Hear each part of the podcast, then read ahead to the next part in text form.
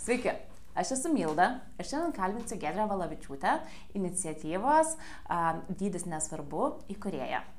Labas, Yes. Gedrė. Labas, Milda. Kaip tu jautiesi šiandien? Puikiai. Ne, iš tikrųjų, tai ryte labai nugaras susuko, tai trenerė iš per taškus praėjo, tai tokia dabar esu mm, kažkokioje atsipalaidavimo stadijoje, kur Tai supratau. klaus, ką nori pasakyti. Gerai. E, Norėčiau pradėti nuo to, kad visai įdomus dalykas yra, kad kai mes derinam pokalbį su Gedrė, Gedrė sakė, kad nenori kalbėti apie moters grožį. Tai Gedrė, pradėkime nuo to. Kodėl nenori šnekėti apie moters grožį?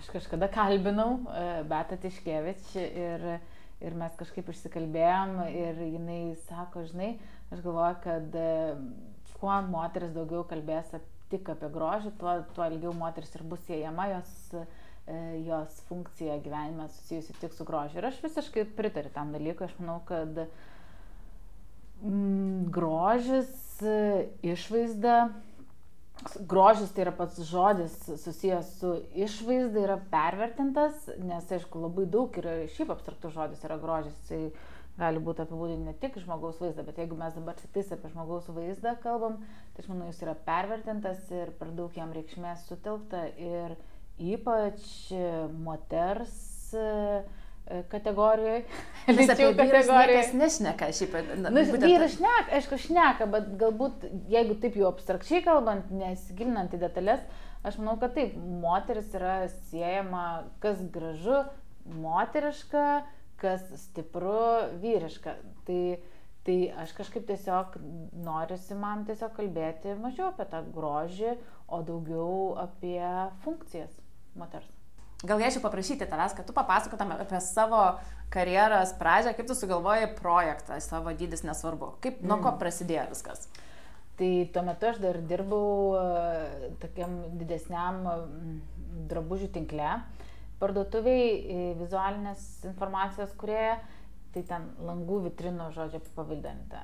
Ir kažkaip buvau tame momente, kur tokiam taške, kur nei iš darbo gavau daug pasitenkinimo, nei iš aplinkos ir, kad, ir manyje toks pradėjo virti e, noras kažką veikti toliau daugiau, bet niekaip nesugalvojau ką, nes bijojau pradėti kažką, bijojau savo pradėti ir, ir net negalvojau apie jokius verslus, kažkaip man atrodė, nu, neapsimoka. E, Ir, ir kažkaip viskas sukrito. Vienu metu pasirodė ten, atsimenu, dar tuo metu aš buvau labai self-conscious, tokia labai pakankamai sustelkusi tai, kaip aš atrodau, koks mano svoris, kiek aš, kaip aš galiu jį numesti, sumažinti ir taip toliau, bet jau vaikščiau pas psichologus ir dirbau su kūno vaizdu.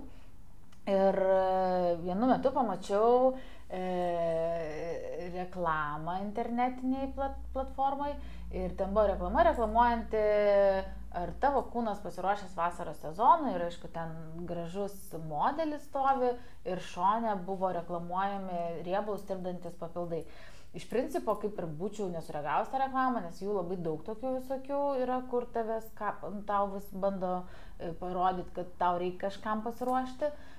Bet aš pamačiau, kaip sureagavo Anglijos blogerės į tą visą reklamą, kad jos pasišiaušė ir man buvo keista, aš atsimenu kaip dabar, kaip man buvo keista žiūrėti ir skaityti, kad moteris, kuri buvo didesnė už mane, gali pasakyti, kad jinai priima savo kūną ir viskas jame yra gerai ir nustokit mane terrorizuoti tokiam reklamom.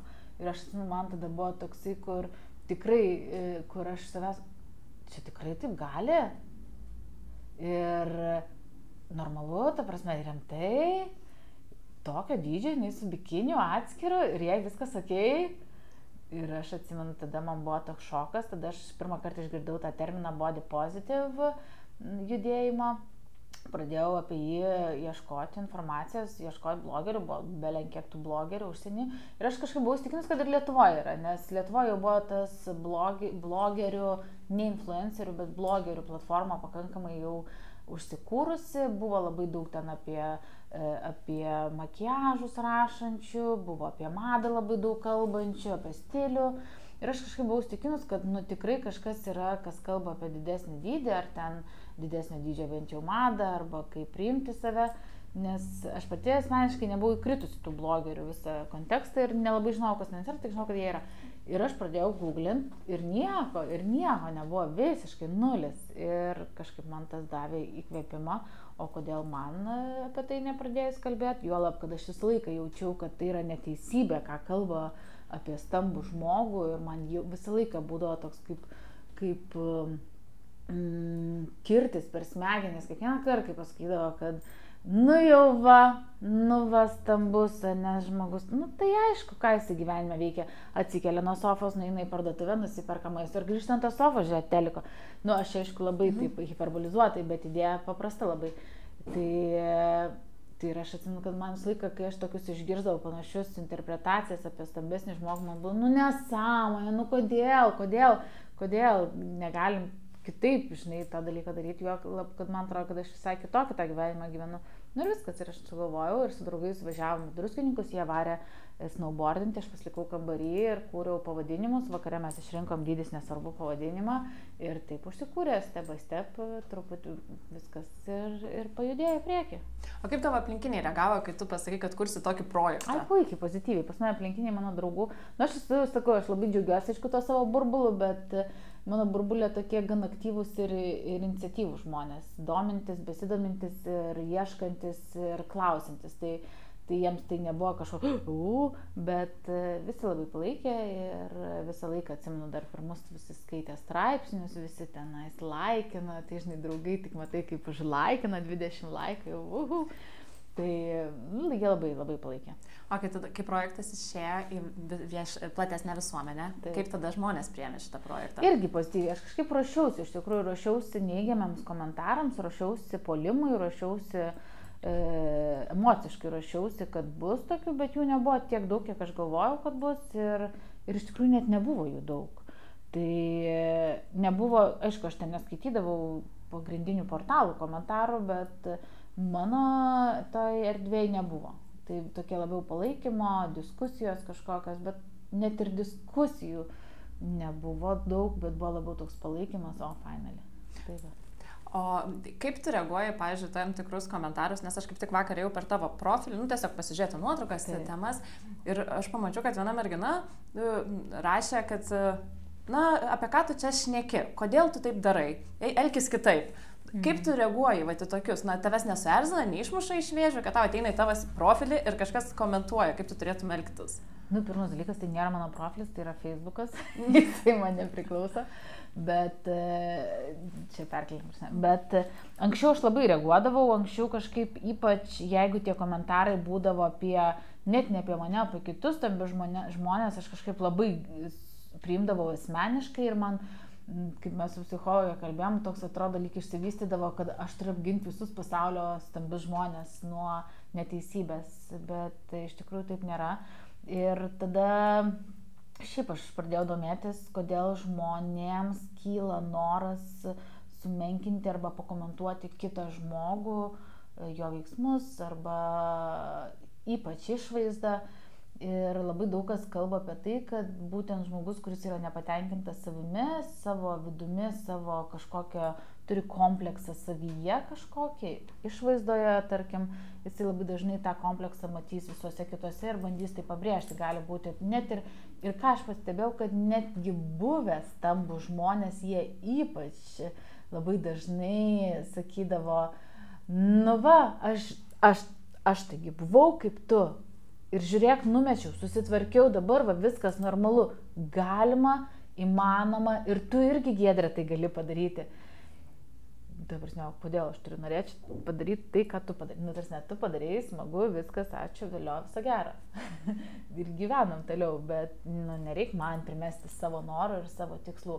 Tai labai dažnai būna, kad, žinai, žmonės pasiekia tai, ką išsikelia, būčias ok, bet jie pamiršta, kad yra dar smegenys, kad smegenyse jie lieka tie patys kompleksuoti žmonės, dėl ko jie kompleksavo ir tuos kompleksus tiesiog perkelia kitiems, kad ir kitų nematytų, žinai, su dideliu užpakaliu, dideliu pilvu ar didesniam rankam. Tai aš pradėjau visą tuos komentarus žiūrėti iš tos pusės, kad, nu, kažkas tam ne apie mane čia yra, čia apie tą žmogų. Ir aš tiesiog palikau tos jiems spręstas problemas. Kodėl mes tampam kompleksuoti tokie? Dėl to, kad mes susitelkėme grožį. ne, jokiauju. Dėl to, kad galbūt net nesakyčiau, kad yra vienas ar kitas atsakymas, nes kompleksų yra labai daug. Kompleksas, žinai, gali būti vaizdo kompleksas, gali būti smegenų kompleksas, gali būti, būti jausmų kompleksas. Tai jų yra begalės. Ir, ir tas ir galbūt net neįmanoma, kad žmogus neturėtų nei vieno komplekso arba vis, būtų viskuo pakankamas. Nes kai yra aplinka, kuri tau pastoviai vis kažkokiais signalais ateina ir sako, kad, nu, tu čia šiek tiek nepakankamas, va tą galėtum padaryti, kad taptum pakankamu. Va čia dar tau trūksta iki to taško aukščiausio, o ir tada būsi to. Tai... Bet kaip tas kitas žmogus turi teisę nuspręsti, ko tau trūksta iki to pakankamo taško? Nu, ta prasme. Tai ne kitas žmogus, industrija sprendžia. Nu taip, taip, bet, bet kodėlgi, nu, ir iš principo labai aiškiai yra, jeigu domintis, bet kalbant apie istoriją visą, labai, pavyzdžiui, moteriai, grožio, ta industrija vienu metu labai aiškiai primetė vaidmenį, kad jinai turi būti šeimo, namų šeimininkė, graži, pasitempusi ir toksai kaip vaizdo, kažkokia vaizdo darbuotoja. Tai tas atėjo tarpu kariu, kai, jeigu aš neklystu, kiek atsimenu, kiek skaičiau, kad kai, kai vyrai išėjo kariauti, moteris iš pradžių turėjo užimti jų darbo vietas, teisingai. Ir tada ir jos labai gerai visą tai atliko. Jos puikiai užėmė tas darbo vietas, bet jie grįžo iš to karo. Ir jų nebereikėjo tų darbo vietos, jas reikėjo vėl gražinti virtuvę. Ir tada atsirado gra, gražus prašmatnus purškikliai, ištaigingi lūpų dažai, kurie kvietė ir sakė, kad vat, čia tavo vieta ir vat, su mumis tu atrodysi geriau, tu būsi patrauklesnė, įdomesnė, negu tu, jeigu ten dirbsi prie staklių kažkokių. Tai vat, būtent ta industrija yra milijardinės pajamas gaunant industriją ir atrodo, kad čia gali sakyti, kad čia kažkas vienas, aš nuneiksiu, nu, tu iš visur gauni tas žinutės nu iš visur, žinai, nu tipo, e, kaip ir net ir apie tos pačius, e, ką žinau, tuos e, žingsniamačio laikrodžius, ne, kur, nu tiesiog buvo padaryta mada, kad reikia skaičiuoti žingsnius. Mhm. Ir taip prasidėjo visų tų fitbitų ir kitų laikrodžių populiarumas, nes 10 tūkstančių per dieną, iki to nebuvo 10 tūkstančių per dieną. Bet ką aš turiu menį, kad tiesiog kritiškai reikia matyti, mąstyti, ką tu priemi, kokią informaciją, ką tu gauni ir, aišku, tu visko visko gal nesuvaldysi, bet tu gali atsirinkti, kas, ką aš, į ką aš reaguoju, ką aš paleidžiu ir tiesiog eina pro mane. Tai, tai aš manau, kad ne vienas žmogus nusprendžia, tiesiog yra industrija didžiulė, kuri e, yra ir bus. Ir, ir čia nieko nepakeistame, nes tai yra pinigai. Kas turi padėti mums išmokti atsirinkti tą informaciją? Aš gal nepatarsiu, kaip tam žmogui mhm. išmokti. Mhm. Bet per savo pavyzdį. Per, per savo pavyzdį, per savo prizmę. Uh, aš vis dar mokinuosi ir pirmas dalykas, ką aš visą laiką pas savęs paklausiu, net ir kai pasidažau lūpas ir lieka kažkoks išsikišęs taškas, e, nu kas nuo to pasikeis, kad žmogus mane pamatys netobulą. Nu kas, e, kas įvyks, pasaulis sugrius. Nieko nepasikeis. Ir aš priemu savo netobulumą. Man kažkaip yra lengviau priemant, būti netobulai, bendrauti ir suprast, kad taip, aš kartais atrodau pikta, taip, aš kartais atrodau per daug hiperaktyvi, nu, bet aš tokia esu. Ir, ir man kažkaip yra lengviau priemant save, bendrauti su aplinka ir nesistengti įtikti kiekvienam individui iš tos aplinkos. Nes aš, vat, kai mokyklos laikas sakau vaikams, kas kartą, kai jūs tenksite atitikti kiekvieno žmogaus norus, kaip jūs turite atrodyti, jūs bus toks kaip rudeninis, žinai, rudinio medžio lapas, kur vėjas papūs ten mane nuneš ir galų galę aš baigsiu jos ten šiukšlinės supuvęs ir niekam neįdomus. Tai, tai man tas padeda, kad aš tiesiog suvokiu, kad aš visiems neįtiksiu ir, ir jeigu aš noriu šiandien taip atrodyti ir taip elgtis, tai reiškia, aš taip elgsiuosi ir atrodysiu, kol, tol, kol tai nepažeis kito žmogaus ribas, neįskaudins arba kažkaip nepadarys jo menkesnio ar prastesnio. Supratau. Grįžtant prie tavo iniciatyvos dydis nesvarbu, tai kokias veiklas būtent vykdo tavo mhm. iniciatyva? Mhm. E, dabar e, iš tikrųjų aš jau kažkaip jaučiu, kad aš išaugau iš to dydis nesvarbu ir aš pradėjau, man buvo labai be galo aktuali ta kūno tema ir jos, jo vystimas ir kalbėjimas apie tai, bet aš dabar jaučiu, kad kiek jau gal penki metai yra dydis, nesvarbu, gal šeši, aš jaučiu, kad aš jau išaugau. Aš, man kūnas jisai yra, viskas ok, aš su juo dirbu, aš jį palaikau, kad jis mane nešiotų, jis man kartais primena per nugaros skausmus apie save, per mėnesinės ir visus kitus. Bet man dabar yra svarbiau toliau tobulėti kaip žmogus, kaip žmogui, kaip verslininkai, kaip kuriejai. Ir aš jaučiu, kad aš jau noriu išeiti po truputį iš tos iniciatyvos, bet kartu mm, vis dar esu joje, nes važinėjau po mokyklas, vis dar sustinku su moksleiviais. Tai buvo vienas, kai aš pradėjau ją, mano vienas užsibrieštų tikslų ir buvo, kad aš susitiksiu su jaunu žmogumi ir kalbėsiu apie tai, kiek kiek tai man bus pačiai dar įdomu ir patrauklu, kad perduot tą žinutę, kad, nes aš man pačiai to trūko vaikystėje, tai va tai aš dar su jais sustinku ir karts nuo karto parašau straipsnį, jeigu kažkokia įdomi tema man pačiai užklibina arba kažkas atsiunčia kokiu nors e, žinomesnių žmonių beletristikas, tai kažką, ką nors sugalvojom, kas mane pačialindžina. Bet šiaip tai dydis nesvarbu, jisai tiesiog, man atrodo, dabar jau atsirado tiek daugiau jau merginų, moterų, vyrų kalbančių apie tai, kad, kad tiesiog kaž, kažkas jau kitas perima tą vaidmenį, o dydis nesvarbus tiesiog. O tai ta, kokie tada tavo būtų ateities planai, apie ką tu svajoji dabar? Dabar aš svajoju gyvendinti verslą. jau nuo vasaros vidurio mes dirbam su partnerė ties verslo idėja ir vystom. Ir, ir dirbam ties to ir man yra be galo įdomu, aš turiu, turėjau, pradėjau, viskas pradėjo nuo Women Go Tech programos, kur gavau mentorių ir mes su juo išvystėm, ką galima padaryti, kokią idėją. Tai va, tai man dabar aš tuo ir gyvenu, kaip čia užkurti, kaip pakurti, kaip mokėti suklysti, kaip priimti atgalinį ryšį, kaip iš jo išeiti gavus daugiau, o ne save gniuždant, tai vat, man čia dabar toksai etapas, kur man norisi Mm, ties to dirbti. Bet e, idėjos pačios dar nenori atskleisti. Ne, idėja labai paprasta bus didesnė dydžio drabužiai. Supratau. Apie drabužius gal pašnekėsim truputėlį vėliau. Aš dabar dar norėčiau sugrįžti prie temos apie mokyklas. Taip. Kaip reaguoja mokiniai, kai tu atvažiuoji ir mhm. nori pakalbėti su jais. Ko jie klausia tas? Ar jie iš viso klausia, ar tiesiog klausosi? Um, mm, tikrai ne, nepameluosiu pasakant, kad klausosi. E, vienaip ar kitaip klausosi, vis tiek jaunas žmogus yra, jis yra laisvas, jis ypač dabar pripratęs judėti, bendrauti, bet jie girdi ir e, klausimų būna nedaug Nes e, labai dažnai, ką aš manau, kad mokytojai padaro kokią klaidą, jeigu su mokytojais tariamės, kad jie neperspėja moksleivių, apie ką bus paskaita. Tai ateina mokinys, jisai dažniausiai būna dar jam pusvalandžio reikia pasiruošti mentališkai apie, o čia apie kūną, ta prasme apie kūną, o jas, tu mano, jinai kalbės apie kūną, aš, aš nekenčiu savo kūno, kodėl jinai kalba, jinai čia, ir jinai sako, kad jinai stora ir jai viskas ok dėl to, o jie, ja, ir jie tada išsižioja ir pradeda šnipždėti, tu matei, tu matei. Ir labai įdomu, visą laiką pradžioje būna pradeda šnipždėtis, aš ten, nes dydis nesvarbu, tai žinai, jau jie ten fantazija eina už ribų, tas žodžiai. Tada aš atsistoju ir sakau, taip, aš esu stora ir nu viskas tam ok. Ir tada jie nusčių, nus, nutyla, nes supranta, kad atkrenta iš jų pagrindinis ginklas, kad jie galės šnapždėstis ir apkalbėti mano išvaizdą. Tikintis, kad aš kažkaip gal pajausiu arba išgirsiu ir aš čia mane įskaudins. Ir jie išgirsta, kad jų pagrindinis ginklas atkrito. Viskas. Nu, ta prasme, nuginklavau aš juos. Man dzin.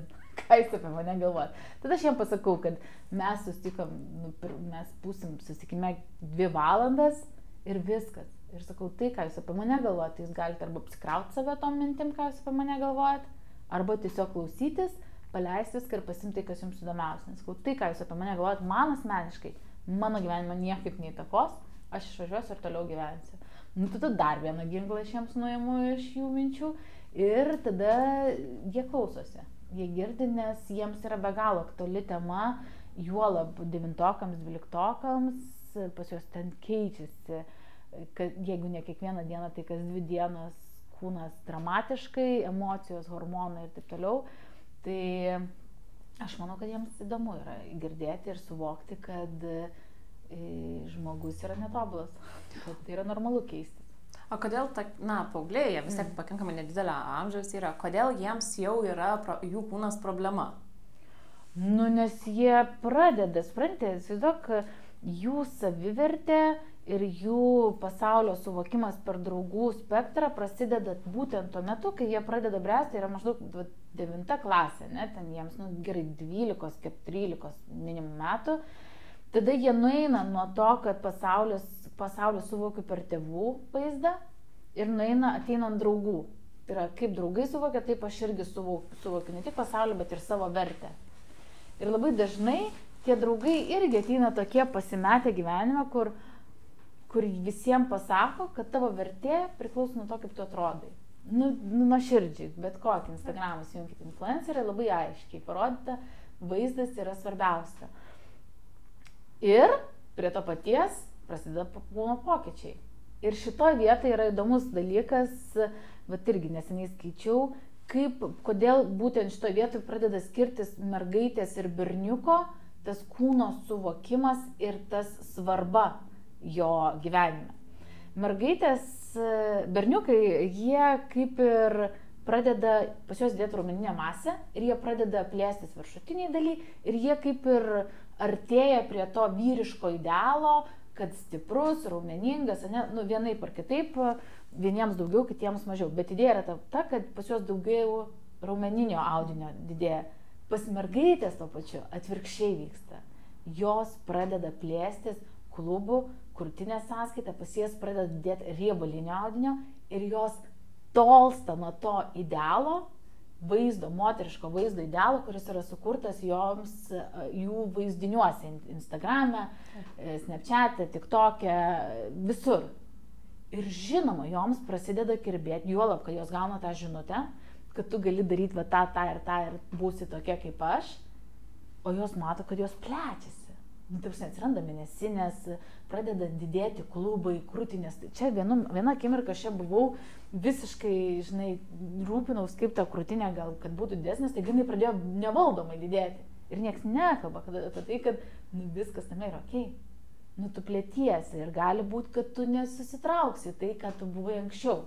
Gali būti, kad tu turi polinkį būti didesnė, negu, žinai, buvai vaikystėje. Jos tai mato tą patį idealą. Gražų, seksualų, o ir jos tai gan nebetinka. Tada dar prasideda spogai, oda. Ir žinoma, kad jos labiau susitelkia į tai, kaip aš atrodau, ką man daryti, kaip atrodyti geriau. Nesvarbu, kokio dydžio, visos nuo A iki Z turi tą patį klausimą. Aš jaučiuosi per stora. Jaučiuosi per stora. Netrodau, nesu, aš jaučiuosi. Berniukai tuo atveju jau tikslas tuo metu galbūt kažkiek ir susijęs tą kūną keisti, bet jų tikslas yra labiau pritapti kompanijoje, pritapti draugų šaiko ir rate ir jiems tas kūnas gal labiau toksai kaip faktorius, kaip tapti hebros nariu. O mergaitėms yra labiau yra tas kūnas, tai yra kas aš esu ir vat, kas yra moteris. Tu sakai, kad na, viskas ateina iš šeimos. Bet o kur tada, koks yra mokyklos vaidmuo būtent augat, augačiam organizmui? Šiaip tai aš manau, kad mokyklos vaidmuo turėtų būti auginti emocinį intelektą. Bet po kol kas e, šitas vaidmuo yra pakankamai nukištas į šoną ir galbūt tik tose jau privačiose mokyklose po truputį ant to dirbama ir į tai labiau e, kon, koncentruojamas. Pa- Pas mus po kol kas yra atskirta tas tarybinis laik, nu, iš tarybinių laikų ta sistema, kur svarbiausia yra mokytis, mokytis, mokytis, mokytis, mokytis. Ir atrodo, kad to kūno, kad to vaizdo kūno, jo nėra, jis tai toks lyg nuneiktas. Aš kažkurioje mokykloje, atsimenu, buvau ir, moks, ir sakau mokytojo, kaip jūs bendraujate su to mergaitėm. Sako, aš tai vengiu šitos temos. Jos ateina, pasako, aš tai vengiu, nes ten bus visokių, sako, nežinau, ką su jom kalbėti. O tu tiesiog vaikas praleidžia mokykloje belenkiek valandą, tai jeigu jis neturi su kuo pasikalbėti ir niekas apie tai nekalba, nu tai iešk, kad jam tas tada toksai, nu gerai. Nesupranti, kas vyksta. Ne, tada. nu tai aišku, kad ne, tai čia dar aplinkui laksto populiarūs vaikai kokie nors, kurie kalba, kaip čia nuostabu būti gražiam ir čia vat reikia būti panašiam į šitą ir šitą influencerį, tu nesi nei velnio panašus, toli gražu, nu toksai, žinai, nu toksai, kur Bet, aš sa jau jaučiuosi. bet socialinės medijos iškraipo dabar paauglių suvokimą apie tą, na, kaip tu turi atrodyti realiai, kaip tu turi rengtis, kaip tu turi dažytis. Vaikai nebegali būti vėlgi- vaikais. Bet aš vėlgi, žinai, sugrįžtu prie to paties. Nu, ta prasme, aš, aš esu už technologijas. Man, aš dievinu technologijas ir aš manau, kad tai yra labai stiprus e, faktorius mūsų gyvenimuose. Ir mes galim kaltinti daug dalykų, nusimesdami kaltę nuo savęs. Nu, ta prasme, taip, Instagramas, socialiniai tinklai, taip, turi labai daug e, tokių triggerių, kurie gali tave išmušti iš vėžių. Bet jie turi ir labai daug tokių, kurie gali tave pastatyti atgal vėžės. Tai vad, kiek tu gabus ieškoti tų, kurie tave gali pastatyti ir stumti priekį, o ne tuos, kurie tave gali stabdyti. Tai čia aš manau, kad nu, mes nesustabdysim tų dalykų. Suprantate, aš kaip sakau, nu, aš nesustabdysiu žmogus, kuris nori čia iš manęs, aš nepakeisiu jo nuomonės. Bet ką aš galiu padaryti, aš galiu pakeisti, kaip aš mastau apie tas patyčias, ką aš apie jas suvokiu ir kad ką, kiek aš paimu į save. Tai tas pats ir su Instagram. Aš galiu sekti tas, kurios e, pasakoja, kaip čia stari žmonės yra blogai, kaip jie kemša tik bandelės, bet aš galiu sekti tuos, kurie kalba, kaip, e, kaip išrasti, kaip atrasti, kaip padaryti ir ką nuveikti gyvenime. Tai aš renkuosi, ką sekti, nes visi, daug yra žmonių Instagram'e ir, ir daug žmonių yra tame pačiame TikTok'e ir tam pačiam Snapchat'e ir tam pačiam Facebook'e ir tu gali rinktis. Tu nesi priverstas sekti tik tais vieną ir tą patį. Galime matyti socialinėse medijose, socialinėse platformose, kad tu padedi moteriam apsipirkti, kaip reikėtų susirasti tau tinkančius derinius, taip? Ai. E, nu, toksai kaip padedu. Nu, aš tiesiog pasakau, kaip aš juos renkuosi, kaip rinkčiausi ir priduriu, kad, e, ypač priduriu, kad, na, neklausykit jūs tų taisyklių. iš tikrųjų, galima rinktis taip, galima daryti taip, bet iš tikrųjų elkitės taip, kaip jūs pačios norite. Čia, žinai, tas būna labai, labai aiškios tos taisyklės pasakytas, kaip pagrindinė ir vienintelė taisyklė, kaip su drabužiu atrodyti liekniau. Nu, toksai, kur, nu, toksai, belen, viskas susiveda į šitą. Jeigu užsidėsite dryžius, atrodysite lieknesnė. Jeigu čia bus tamsiau, čia šviesiau, atrodysite siauresnė. Nu ir kodėl mes norim save apgauti ir kitus apgaudinėti, kad aš atrodau liekniau. Nu, tarsi, nu aš esu, va tokia kokia esu, 110, ten, nežinau, 120 ties klubais. Nu aš tokia esu, nu tai ką aš dabar užsidėsiu ir kas įvyks, kad aš staiga tau atrodysiu ne 120, o 110. Nu, tai prasme, tu kažkaip mane kažkas kitaip priimt pradės. Aišku, yra tas vizualinis kažkoks estetika, žinai, kaip atrodai, ką tu nori pasakyti per savo drabužius, per savo aprangą, kaip tu nori save išreikšti, ar tu slėpiesi už tos juodos spalvos, ar tu juoda spalva yra tavo paletė visgi. Tai yra tokie dalykai, bet labai dažnai tam didesnio dydžio žmogui yra įdėkta, kad per drabužį tu turi save sumažinti. Toks atrodo dalyk užimk mažiau erdvės, negu tu iš tikrųjų užimi. Nu ne, nu negali, neprivalai savęs užimti mažiau erdvės, negu, žinai, negu tu iš tikrųjų esi. Nu nori tu būti ryškus ir būk ryškus, nu nori uždėti tą diržą ties liemį ir užsidėk tą diržą ties liemį. Nu nenori tos krūtinės savo dėlės rodyti ir nerodi tos krūtinės, žinai, toksai, tai tu pats renkiesi. Jeigu tau yra lengviau, ten, žinai, pagal taisyklės kažkokios yra tos taisyklės, yra kažkokie patarimai, kaip suderinti tą, kaip padaryti harmoniją tarp viršutinės apatinės dalies, tarp kairio dešinio šono. Bet čia turbūt dar ir iš pačių rūbų gamintojų yra skleidžiama žinutė, kad, vat, kai pamatai kažkokį plus size rūbų reklamą sako, kad atrodysit lėkniau. Ir tam tikri gamintojai, nu teko skaityti, kad jie sako, mes negalim gaminti plus size rūbų dėl to, kad mes negalim padaryti, kad tie rūbai atrodytų e, lieknintų žmogų.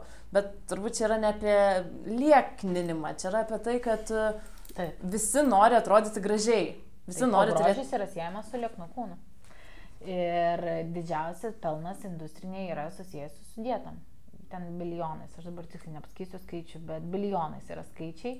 Ir dietos, e, visi tie detoksikaciniai produktai, Mhm. nu tarsi oras. Ir žmonės perka, moka tūkstančius už orą. Už tai, ką padaro jų pačių kūnas. Inkstai pravalo tavo kūną, bet aš moku tūkstančius už detoksikacinės arbatėlės e, sporto klubai, e, visos chirurginės operacijos, nu viskas susiję į liekninimą. Ir žinoma, ir tas pats yra drabužių rinkoje, jie parduoda daugiau tai, kas padaro tave gražesniu. Gražesnis, lygu, lieknesnis. Nu taip yra. Taip. Ir šitoje vietoje, nu irgi tu turi įsijungti savo smegenis ir galvoti, kodėl aš noriu atrodyti lieknesnė. Kodėl aš noriu būti lieknesnė.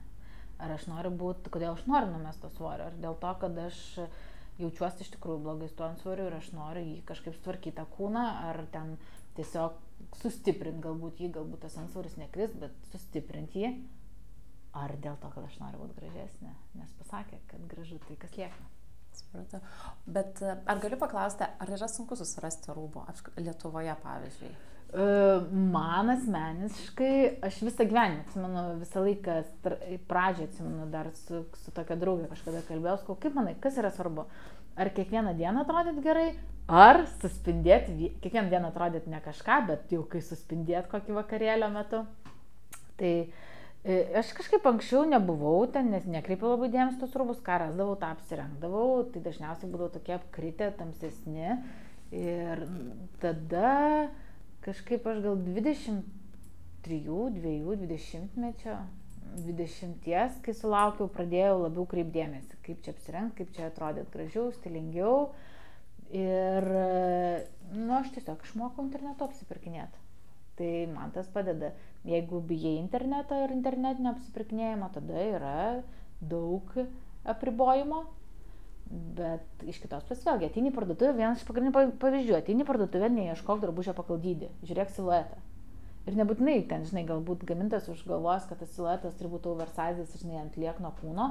Nu gerai, nu, kaip tu galvotum, galvočiau, jo, palikim jam. O kaip tu gali tą oversizą priderinti prie savo kūno? Nu ir viskas, ir prisiderinti. Tai aš labai dažnai ten nors nešioju kem 8 dydį nusipirkus, kem 2 dydžio, žinai, suknelę ir pagal save prisiderinus. Yra stilistė Milda Metlavaitė, kur irgi be galo gražus dariniai pasiai, žinai, jinai eina pasivėję, šiek tiek pa kažką pakoreguoja, tai tu gali adaptuoti, aišku, tam reikia galbūt laiko, o jeigu neturi laiko, neturi noro, tai gali Na, nu, aš sakau, internetas atveria daug vartų. Mes visą laiką šnekam apie moterų grožį kaip moteris gražiai turi rengtis, bet mes niekada nešnekam apie vyrų grožį. Kodėl dar pas mus visuomenėje yra baisu ne, ir nepridaram, atrodo, kad tai yra nepridarama vyrams rengtis gražiai. Nu tai vienareikšmiškai vėl sugrįžtam apie klausimą apie grožį. kad e, grožis yra moteris, o, o vyras yra darbas. E, hm, e, vyrai. Ach, tie vyrai.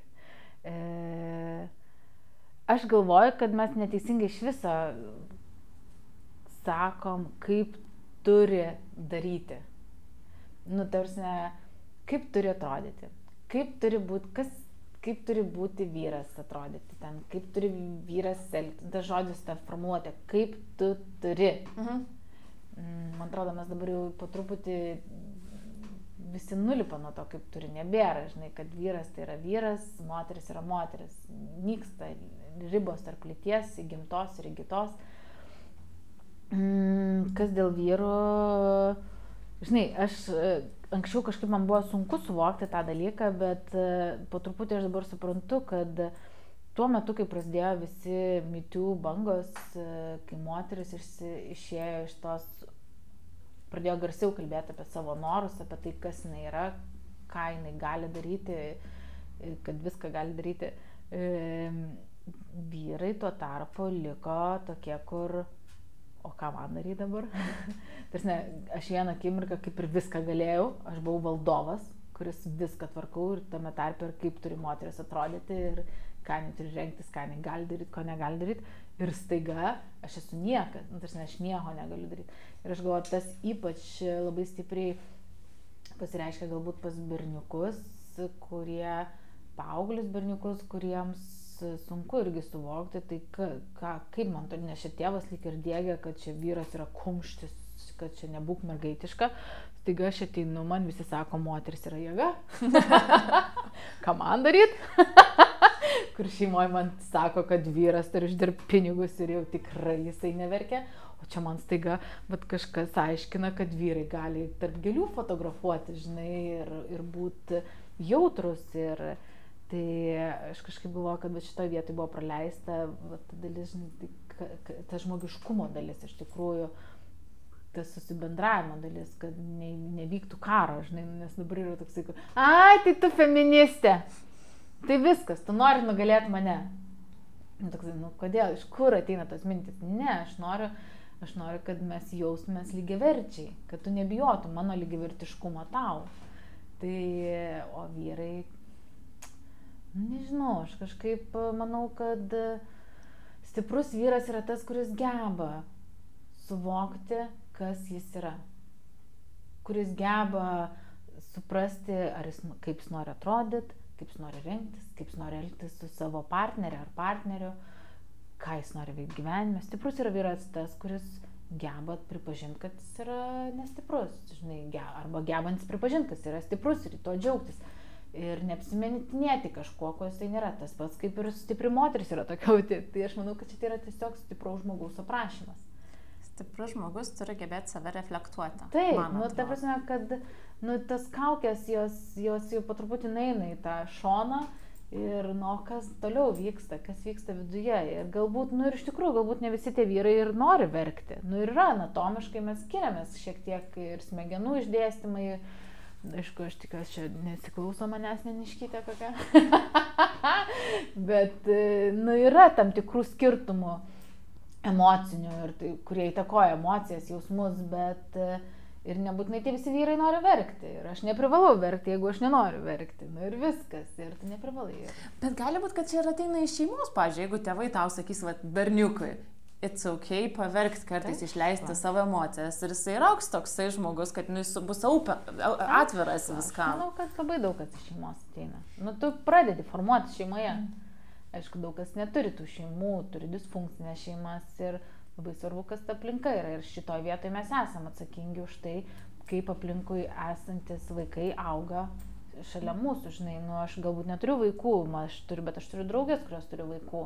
Aš matau vaikus, kurie laksto aplink mane, žinai, jeigu aš einu per raudoną, kai kitoj pusėje stovi vaikas, tai jis užfiksuoja tą signalą. Aha, saugas žmogus, gali eiti per raudoną, kodėl aš negaliu eiti per raudoną? Tai vad mes turime mąstyti ne tik apie tai, kas čia aplink mane išdėliota, bet kas yra kilometras toliau nuo manęs. Ir pabaigai dar norėčiau paliesti tavo ateities planus, ką mes išnekėjom pačioj pradžioje. Dabarties. Dabarties ateities planus. Nu tai papasak, ką tu dabar kuri? Mes tiesiog kuriam drabužių liniją skirtą didesnio, išskirtinai didesnio dydžio moteriams, tam, kad jos atėjusios į tą online shopą būtų jaustusi, kad tai yra skurta joms. Ir po kol kas mes pradedam po truputį nuo didesnio dydžio e, moterų, galbūt vėliau vystysis į vyrų, žiūrėsim, kaip tas biznio modelis e, auks, kaip jisai skėlins, kitaip sakant, ar trauksim investicijas, ar netrauksim investicijų, ar pačias gebėsim iš, išauginti. Tai, bet po kol kas idėja yra tokia, kad nuo kiam šešto dydžio ir į viršų ir moderni, klasikinė apranga. Kaip gausis, greičiausiai kažkur bus nusivažiavimo iš šono. Bet Taip, taip. O tai kokiu principu vyksta? Ar bandysit pagal mados tendencijas tuometinės e... kurti kolekcijas? Ar kapsulės principu? Ne, kolekcijų nebus. Kažkaip kapsulės. Tiesiog bus drabužiai, kurie, kurie man patinka, kurie patinka aušai, mano partneriai E, turim įsivaizdavimą, kas yra mūsų klientė, tikslus, e, ko jinai norėtų, kaip jinai norėtų atrodyti, kas jinai per asmenybę. Tai vad ją ir bandysim kurti. O, o iš tikrųjų, tai, žinai, idėja yra išgirsti, ko iš tikrųjų ta klientė nori ir dėl to, žinai, kaip padėsim pirminius variantus, tai jie galbūt skirsis visiškai nuo kitų metų, žinai, variantų ir kas, okei, okay, tai mes labai atviros E, feedbackui, atgaliniam ryšiui, kas tinka, kas patinka, kas nepatinka ir žiūrėsim. O gal ir nieko čia nesikaus ir eisim prie kitos idėjos. Ačiū Gedrė iš iniciatyvos Dydis nesvarbu, kad šiandien buvo su mumis ir sutiko pasidalinti savo išvalgomis. Jeigu jums buvo įdomu, pasidalinkite šią tinklalaidą su savo draugais ir pažįstamais, o mes susitiksim kitą kartą. Ačiū Gedrė. Ačiū tam, Melda.